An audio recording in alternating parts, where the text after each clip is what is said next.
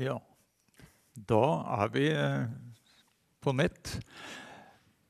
Takk for invitasjonen. Og det var en glede å få spørsmål om, eh, om dette.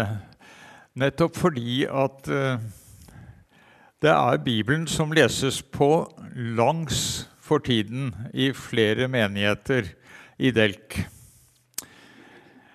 Det jeg skal si en del om, det er Bibelen på langs. Og som dere ser i midtgangen, så har vi fått et hjelpemiddel som er ganske fantastisk. Eh, det kom så sent at det var etter at jeg hadde slutta som prest, men jeg har tenkt mange ganger på Tenk om vi hadde hatt noe sånt. Men så fins den også i eh, en sånn hendig Den er lang nok, men en hendig utgave og jeg vil anbefale veldig sterkt for besteforeldre. Den koster 1000 kroner. Og det å ha en sånn eh, eh, bibelhistorie, lang og mulig å tråkke på, og som tåler det ene og det andre, det er en fantastisk mulighet når man er sammen med, med barna. Så jeg anbefaler det veldig sterkt. Jeg skal altså prøve å gå Bibelen på langs på 40 minutter. Og så underveis så vil jeg også gå litt på tvers. Ikke på tverke, men på tvers, og vise hvordan Gud gir oss håndsrekninger gjennom hele bibelhistorien, og også videre fram inn i vår tid og til våre utfordringer. Og Jeg har skjønt det sånn at det er ganske mange i menighetene nå som leser Bibelen på ett år. Og umiddelbart må jeg si gratulerer til menighetene. En bibellesende menighet er en ønskemenighet for en prest. Det at dere bygger opp en et skjønn og en modenhet i forhold til Bibelen, det er med å gi en trygghet til presten og alle som forkynner i menigheten, at det er skjønn i forsamlingen til å reagere. For det er ikke så lett å ha oversikten bestandig, og en kan kjøre seg inn i, ganske, i et ganske smalt spor når man forkynner. Det står om de Berøa at de tok imot ordet med all velvilje og gransket Skriftene daglig for å se om alt stemte. Denne dobbeltheten av velvilje og granskning, det er en god basis i en menighet. Så gratulerer og lykke til. Og så tror jeg nok at dere som har begynt å lese Bibelen på denne måten, at dere får en del overraskelser, kanskje noen forskrekkelser, og opplever at det er så mye som står der som vi aldri har hørt.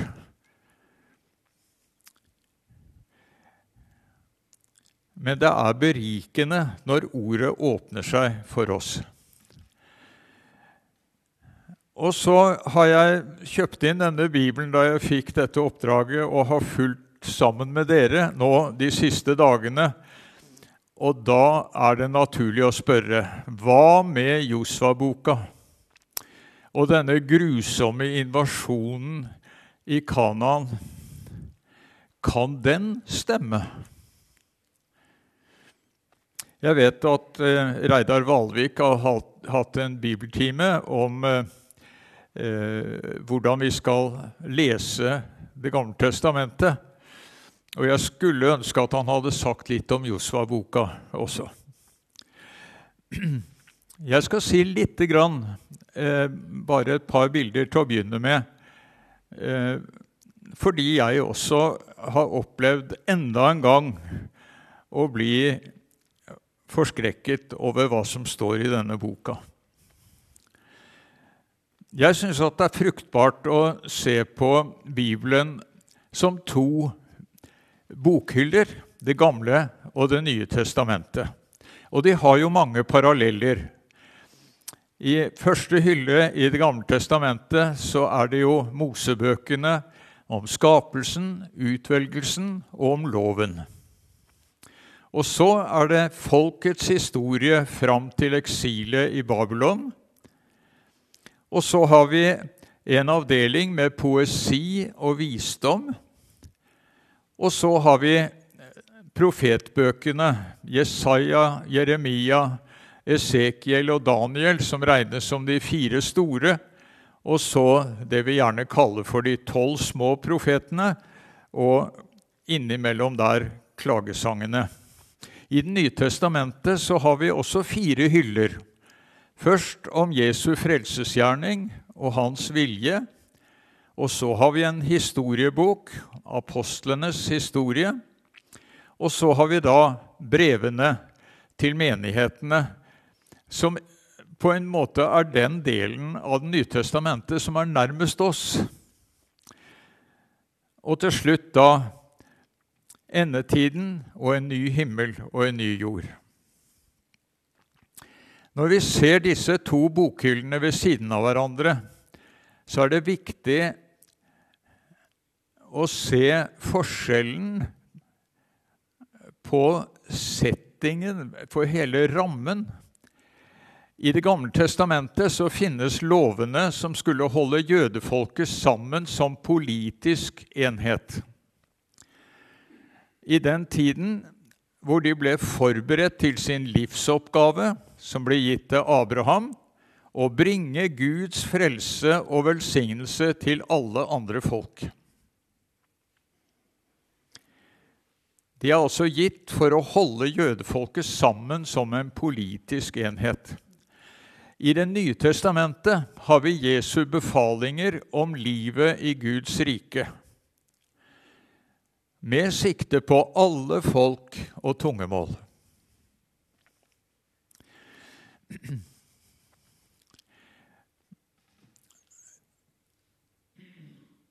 Jeg vet ikke om dere har opplevd eh, å komme i et testamente noen gang. Det har jeg.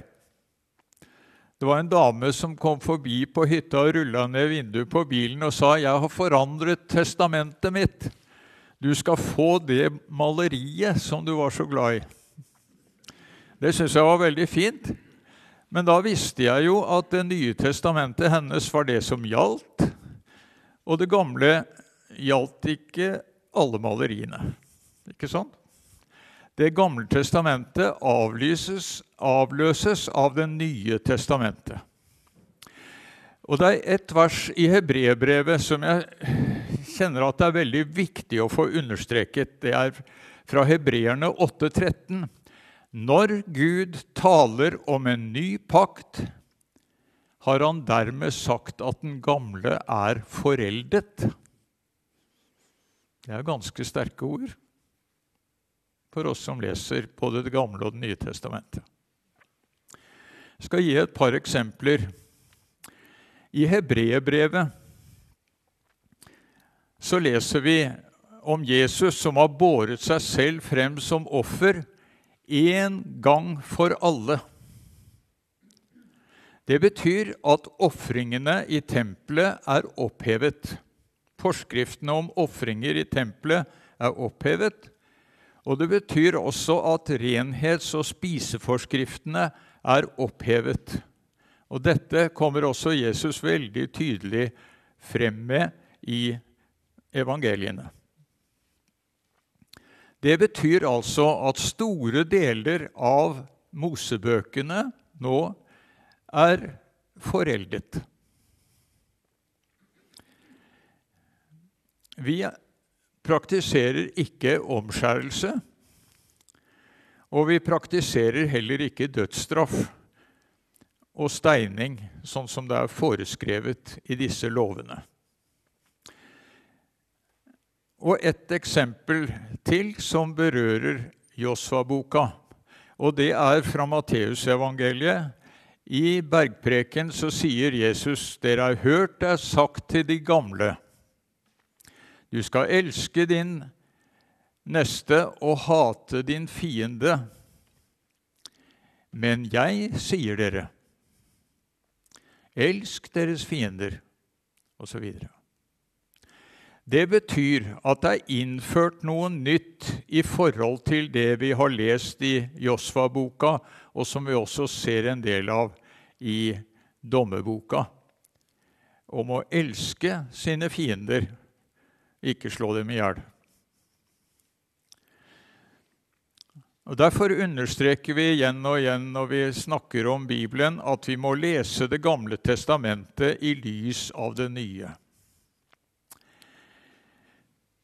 Men når det er sagt, så allikevel kunne Gud virkelig befale grusomhetene som vi har lest i Jossas bok.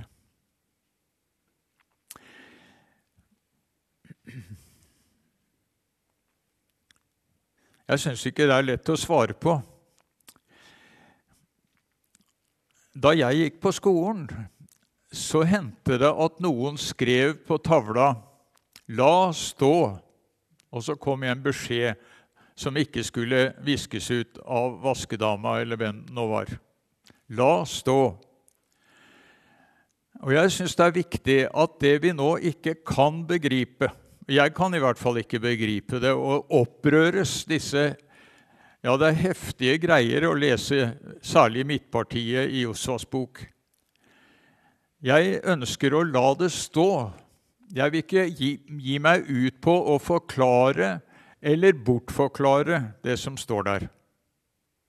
Jeg lar det stå, og så har jeg mer enn nok å forholde meg til. Mark Twain, som en del av oss har vokst opp med, med Huckleberry Finn og andre historier, han sa det sånn det er ikke det jeg ikke forstår i Bibelen som gjør meg urolig, men det er alt det jeg forstår. Og vi har nok med det vi forstår, til å fordøye det. Og så en dag skal kanskje ting åpenbares på en annen måte for oss. Men nå går vi over til de lange linjene i Bibelen. Jeg har noen ganger fått oppleve hvordan barn flokker seg langs tidslinjen og finner sin yndlingshistorie og har konkurranse om hvem som husker flest av disse 52 historiene som er tegnet på tidslinjen. Tidslinjen det er altså den dere har sett for dere her når dere kom inn.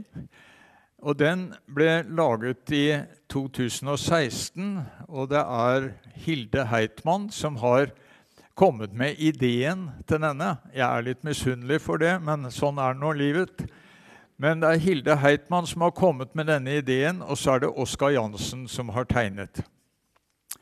Nå, nå er jo tidslinjen skrekkelig lang, så jeg skal først ta en kortversjon. Og så skal vi gå gjennom denne linjen resten av tiden. Gud skapte og menneske, menneskene falt fra Gud. Og så starter frelsesplanen for alvor med Abraham. I deg skal alle jordens slekter velsignes. Og så kom 1800 år med forberedelse. Folkets forberedelse i 1800 år.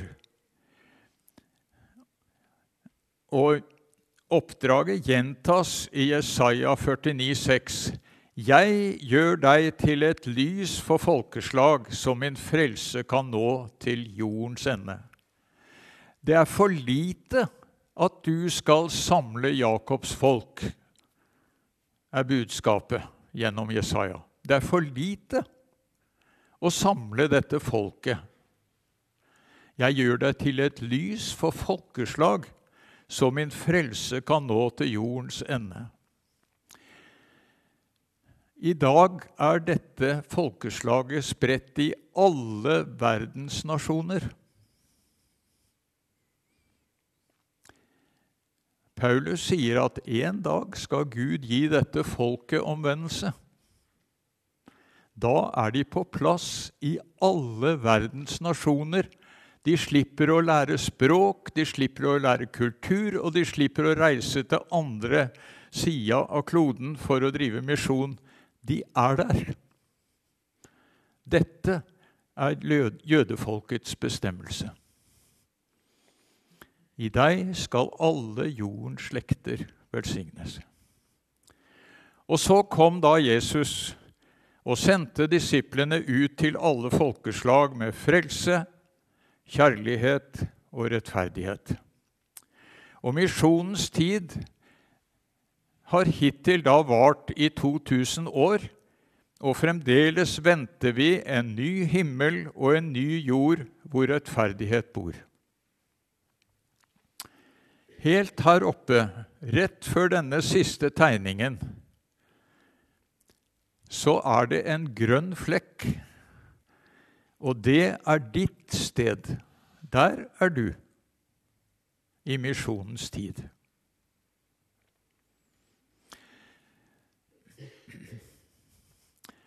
Og så skal vi gå raskt igjennom, og jeg håper at jeg går så sent at du kjenner hvordan det er gaver underveis akkurat til deg. Gud skap, skaper vår verden med stor skaperglede og til glede for oss mennesker. Og så kom da den fristende stemmen 'Har Gud virkelig sagt?' Og så kom mennesket med tre standard unnskyldninger, som vi fortsetter med, tror jeg, hele verdens historie. Det var hennes skyld, det var ikke min skyld. Det er Guds skyld, Han som har skapt oss sånn. Kvinnen som du ga meg, Gud, det var hun som du ga meg, som fristet meg. Eller vi skylder på djevelen. Det er djevelskap, alt sammen. Det er jo greit. Da går jo vi fri, da. Tre klassiske unnskyldninger allerede på Bibelens tredje side. Dette fallet får dramatiske konsekvenser når mennesker hopper ut av sin rolle i Guds skaperverk. Men Gud gir ikke opp. Han velger ut Noah og hans familie og tegner en regnbue over verden. Håpet. Og så kommer da Abraham, som tror, mot alle odds, gammel mann og gammel kone, men han tror og tar imot på sitt haltende vis. Det må vi jo si. Den vakre Rebekka det er ikke bare det er ikke bare sånn idealhistorie langt ifra gjennom Det gamle testamentet, og ikke i det nye heller. Rebekka, som er så vakker, hun får Jakob til å narre sin far. Josef ble sviktet av brødrene, og så ble han på forunderlig måte familiens redning. Og Moses han ble en Guds tjener for å redde folket ut av slavekårene.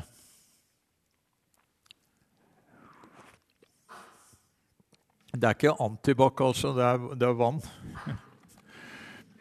Men legg merke til en detalj her som jeg fryder meg med. da. Legg merke til den smarte Miriam som står der iblant stråene ved elven og får det til at Moses allikevel fikk lov å være hos sin mor og få næring hos henne.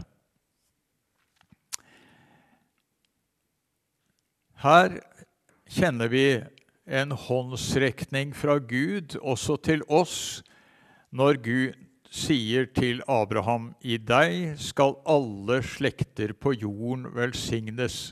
Og nå er vi her.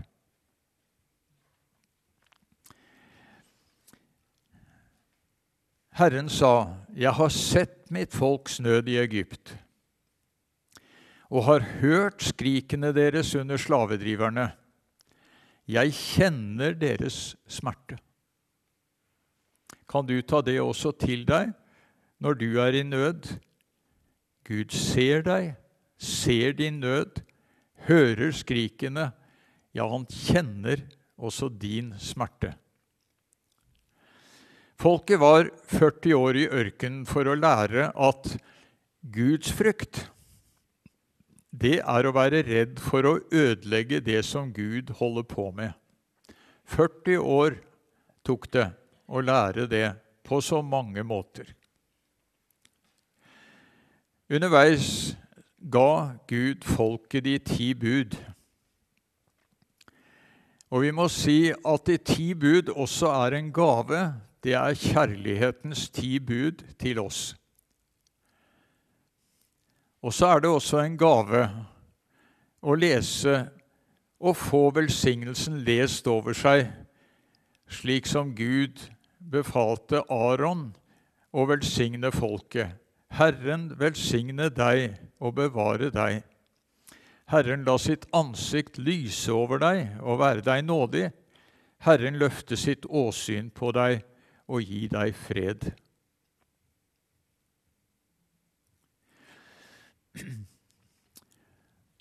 Så møter vi enkeltpersoner. Vi møter Ruth, den trofaste, og Ester, som redder sitt folk. Vi møter gutten Samuel, som sa, 'Herre, tal, din tjener hører'. Og så ble han den første av profetene utenom Moses, og han ble sendt med Guds ord til de første kongene. Vi leser om David mot Goliat, om Salomo som bygde et tempel for Gud. Det var tider, det. Og så gikk det utforbakke. Så ble landet delt i to. Mange av kongene gjorde det som var ondt i Herrens øyne. Det er nesten som en, eh, et omkved i Israels historie når en leser utover. Kongen gjorde det som var ondt i Herrens øyne. Heldigvis med et par unntak, men det var mange av dem. Derfor tok Herren landet fra dem igjen og førte folket i, til eksil i Babylon. Og han forklarte veldig tydelig for folket at det er fordi dere har brutt den pakten vi inngikk da dere fikk dette landet. Men også gjennom Josvas bok så går det helt tydelig fram at forutsetningen for at folket skal være i det landet Gud har gitt dem, det er at de lytter til Gud og hører Hans bud. Ellers vil de bli totalt utryddet av landet. Dette er en tung tid i Israels historie. Men midt i denne tunge tiden så blomstret det da opp gaver i form av salmer og visdomsord. Jeg tenker på forkynneren som sier 'alt har sin tid'. Det er ikke så mange dagene mellom det går mellom at jeg hører folk si det Ja, alt har sin tid. Jeg har hørt det senest i formiddag. Det er mulig at det har med alderen min å gjøre, at de jeg snakker med, de, de har godt av å si akkurat det. Og så har vi da denne vakre Salme 23. Herren er min hyrde, jeg mangler ikke noe. Ja, det er tider hvor vi kan legge vårt hjerte i den salmen. Men det er jo tankevekkende at nabosalmen, salme 22, der står det Min Gud, min Gud, hvorfor har du forlatt meg? Hvorfor er du langt borte? Og så har vi et godt ord til folk i min alder. Si ikke 'Hva kommer det av at alt var bedre i gamle dager enn nå?' Du spør ikke slik om du er vis. Og så tenker jeg på Salme 55. Fienden legger hånd på sine venner. Han bryter sin pakt. Hans tale er glattere enn smør, men han har strid i sinne. Kast din byrde på Herren, han vil sørge for deg. Han lar aldri den rettferdige vakle. Dette er gaver å ta med oss inn i vår hverdag også. Og så går det mot slutten på Det gamle testamentets historie. Den livredde profeten Jonah var visst den eneste profeten som fikk folk til å vende om. Og det ble han jo så forskrekket over at han ble sur. Han trodde han skulle være en ordentlig stor profet, sånn som Jesaja og Esekiel og sånn. Og da skulle ikke folk vende om. Det er en festlig historie. Endelig var tiden inne, og verdens frelser ble født. Lærerne i tempelet forsto Jesus, men det gjorde ikke foreldrene. Noen har opplevd det i sitt eget liv. Døperen forsto heller ikke hvorfor Jesus ville døpes, men Jesus sa, 'La det nå skje'. For slik sømmer det seg å oppfylle all rettferdighet. Det er merkelig med Bibelen. Den bruker ordet rettferdighet på en ganske spesiell måte, omtrent som frelsesplan. Guds frelsesplan skal oppfylles ved at Jesus døpes i Jordan. Og så ga Jesus ulærde fiskere lærlingeplass hos seg og sa, 'Følg meg.' Han helbredet syke og møtte syndere med tilgivelse. Han tok barna inn til seg og velsignet dem. Og her er det mange gaver, ikke minst det vi kaller Den lille bibel, som rommer så utrolig mye. Så høyt har Gud elsket verden at han ga sin sønn, den enbårne, for at hver den som tror på ham, ikke skal gå fortapt, men ha evig liv.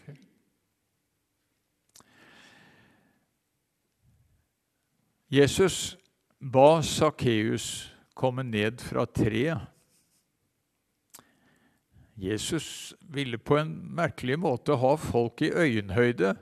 Tenk på Bartimeus. Jesus ville at han skulle reise seg opp. Han ville se mennesker i øynene og kalle dem. Han vakte en død pike til liv, og så red han, red han selv inn i Jerusalem for å dø. Der innstiftet han nattverden og sa, 'Dette er den nye pakt.' Den nye pakt.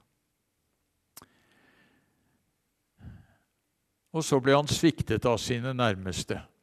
Det er jo merkelig. Hver gang vi har nattvær, så leser vi Vår Herre Jesus Kristus, i den natta han ble forrådt, tok han et brød. Midt inn i det levende livet og i det verste man kan oppleve. Jesus åpnet en vei for oss rett inn til sin far. Og han sa, 'Slik skal dere be, vår Far i himmelen'. Sånn hadde man ikke bedt før. Men Jesus åpnet altså sin egen kjøkkenvei, kan vi si, inn til sin far. Direkte inn til han i himmelen. Og Jesus innstiftet nattverden til fellesskap og syndenes forlatelse.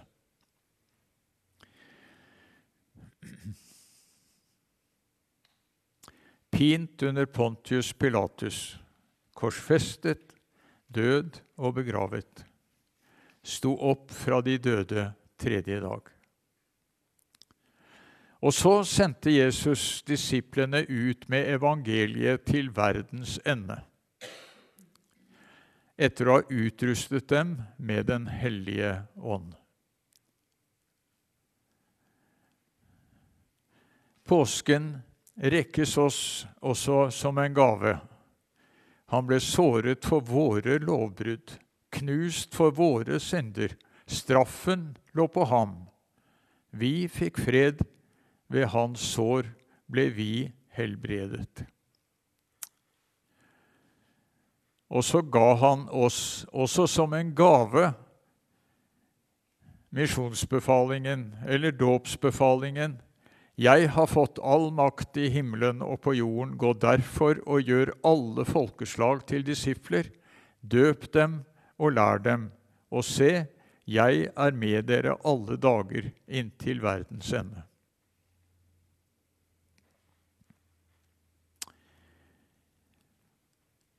Så leser vi jo også i apostelgjerningene Det var godt vi leste den samtidig med, med Josva, for det er jo virkelig oppbyggelig å lese den første kristne kirkes historie. Jesus stanset kristenforfølgeren Paulus og gjorde ham til sin utsending med evangeliet til folkeslagene. Og så ser vi frem mot frelseshistoriens mål, en ny himmel og en ny jord der rettferdighet bor. Og så har vi vårt sted i Guds frelseshistorie. Her er vår plass, og her er vårt kall. Og så kan det være vi også må hentes ned fra et tre, eller hvor vi nå har gjemt oss, og inn i den store sammenhengen. Når skal dette skje? Ja, heldigvis så har Gud gitt oss en pekepinn, i det minste. Evangeliet om riket skal forkynnes i hele verden, til vitnesbyrd for alle folkeslag, og så skal enden komme, sier Jesus. Og i 2. Peters brev når nå alt skal gå i oppløsning, hvor hellig og gudfryktig bør dere ikke da leve, mens dere venter på at Guds dag skal komme og fremskynder den? Ja, hvordan kan vi fremskynde Jesu gjenkomst? Jo, ved å forkynne evangeliet for de som ikke har hørt. Det er utrolig hvor langt apostlene rakk med evangeliet. Vi vet ikke alt det jeg skal legge fram nå, sikkert, men tradisjonene fra den første kirke forteller litt om dette. Jesus sa til disiplene.: Dere skal være mine vitner i Jerusalem og Judea og Samaria og like til jordens ender. De ble sendt ut fra Jerusalem. Jakob han ble sendt over til Portugal og opp til Nord-Spania, til det som jo er blitt et pilegrimsmål, eh, Santiago Compostela i Nord-Spania. Johannes han ble sendt til Asia, som det heter, altså den, den vestligste delen av Tyrkia. Peter han gjorde også tjeneste i Tyrkia og dro videre til Rom. Philip han gjorde tjeneste nord i Tyrkia. Andreas er jo en spennende person. Han dro til Krim, videre til Kyiv, videre til Alamo, som eh, inntil eh, forrige århundre var en del av Finland. Så dette er altså Skandinavias apostel. Og så dro han ned til Konstantinopel. Tadeus han gjorde tjeneste i Iran. Bartolomeus han dro også østover, til Iran, og ned til Kerala i Sør-India. Dit dro også en annen som het Thomas. Thomas dro først til Irak, videre til nå er det Iran, da, ned til Kerala, hvor fremdeles det er en menighet som heter Thomaskirken, oppkalt etter han. Og muligens dro han etterpå til Kina. Jeg snakket med en kinamisjonær i dag og spurte var Thomas i Kina. Det hadde han aldri hørt om. Men det er altså noen kilder som kan tyde på at han kom dit.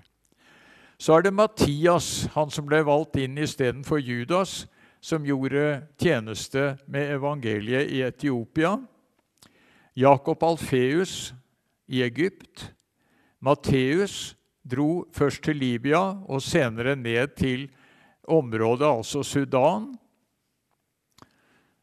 Gud bevare menneskene i Sudan, Sudan for tiden. Stakkars folk. Og så Eh, er det Simon. Han kom helt opp til England. Det er utrolig hvor langt apostlene kom. Husker dere Josef av Arimathea? Noen påstår at Josef av Arimathea han hadde gruver i England og at det er svært sannsynlig at han tok med seg grandnevøen sin til England, en mann ved navn Jesus. William Blake, en engelsk forfatter, han har dette tatt inn i denne sangen som heter 'Jerusalem', som synges på uh, The Prom. Som, uh, og, og, vi har fått en variant av den også i vår salmbok. Og så er det en som heter Paulus. Han ble ikke utsendt fra Jerusalem, men fra Antiokia. Og virket da i Tyrkia, Hellas, Italia. Og i slutten av romerbrevet så ber han om assistanse for å kunne komme til Spania. Jeg har to minutter til. Å ja, nei, da blir det ti. Men jeg hadde bare lyst til å fortelle om en ny misjonsutsendelse. Det var tre misjonsutsendelser, men jeg skal fortelle bare om de to første. Dette var den ene, og så kommer den neste, som er, jeg syns er veldig interessant. På pinsedag alle dere som har drevet med tekstlesing i gudstjenesten, vet at det er en meget krevende tekst å lese, for det er så mange fremmede navn. Men da leser vi en stor folkemengde stimlet sammen. Forskrekket og forundret spurte de, er de ikke galileere, alle disse som taler? Hvordan kan da hver enkelt av oss høre sitt eget morsmål? Vi er partere og medere og elamitter, folk som bor i Mesopotamia, Judea og Kappadokia, i Pontos og Asia, Frygia og Pamfylia, i Egypt og i Libya-området mot Kyrene, og innflyttere fra Roma, jøder og proselytter, kretere og arabere. Og vi hører dem tale om Guds storverk på våre egne tungemål. Ja, Partia, det er borte i Iran. Media er litt lenger til vest i Iran. Elam er sør i Iran. Mesopotamia lenger nord. Judea kjenner vi jo. Kappadokia, Pontos, Asia, Frygia, Pamfylia, Egypt, Kyrene der i Libya og Roma og Kreta, Arabia Alle disse dro jo hjem igjen og fortalte hva de hadde hørt og sett i Jerusalem. Og hva kan effekten ha vært av det? Jo, ryktet gikk.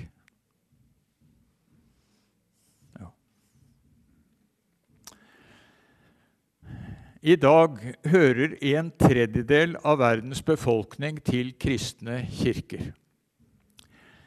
I det, de siste 100 år er det blitt 1,6 milliarder flere kristne på jorden.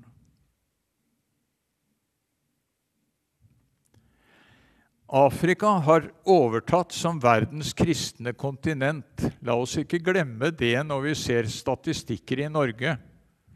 Det er ikke Norge som er verdens navre. Vi var det kanskje for ca. 50 år siden. Da var vi det landet i verden som hadde flest misjonærer i forhold til folketallet. Så overtok fattige Nigeria. I 2010 var det Mongolia, av alle ting. Og i dag er det Sør-Korea som sender ut flest misjonærer i forhold til folketallet. Og nå, kjære venner, er det vår tur. Enten det nå er ute ved postkassa, eller det er til jordens ender. Martin Luther sa i en preken dette er den første og største kjærlighetsgjerning at en kristen skal beflitte seg på å føre andre mennesker til troen, slik han selv er kommet til troen. Tjen og hjelp enhver, for ellers har dere ikke noe å gjøre på jorden.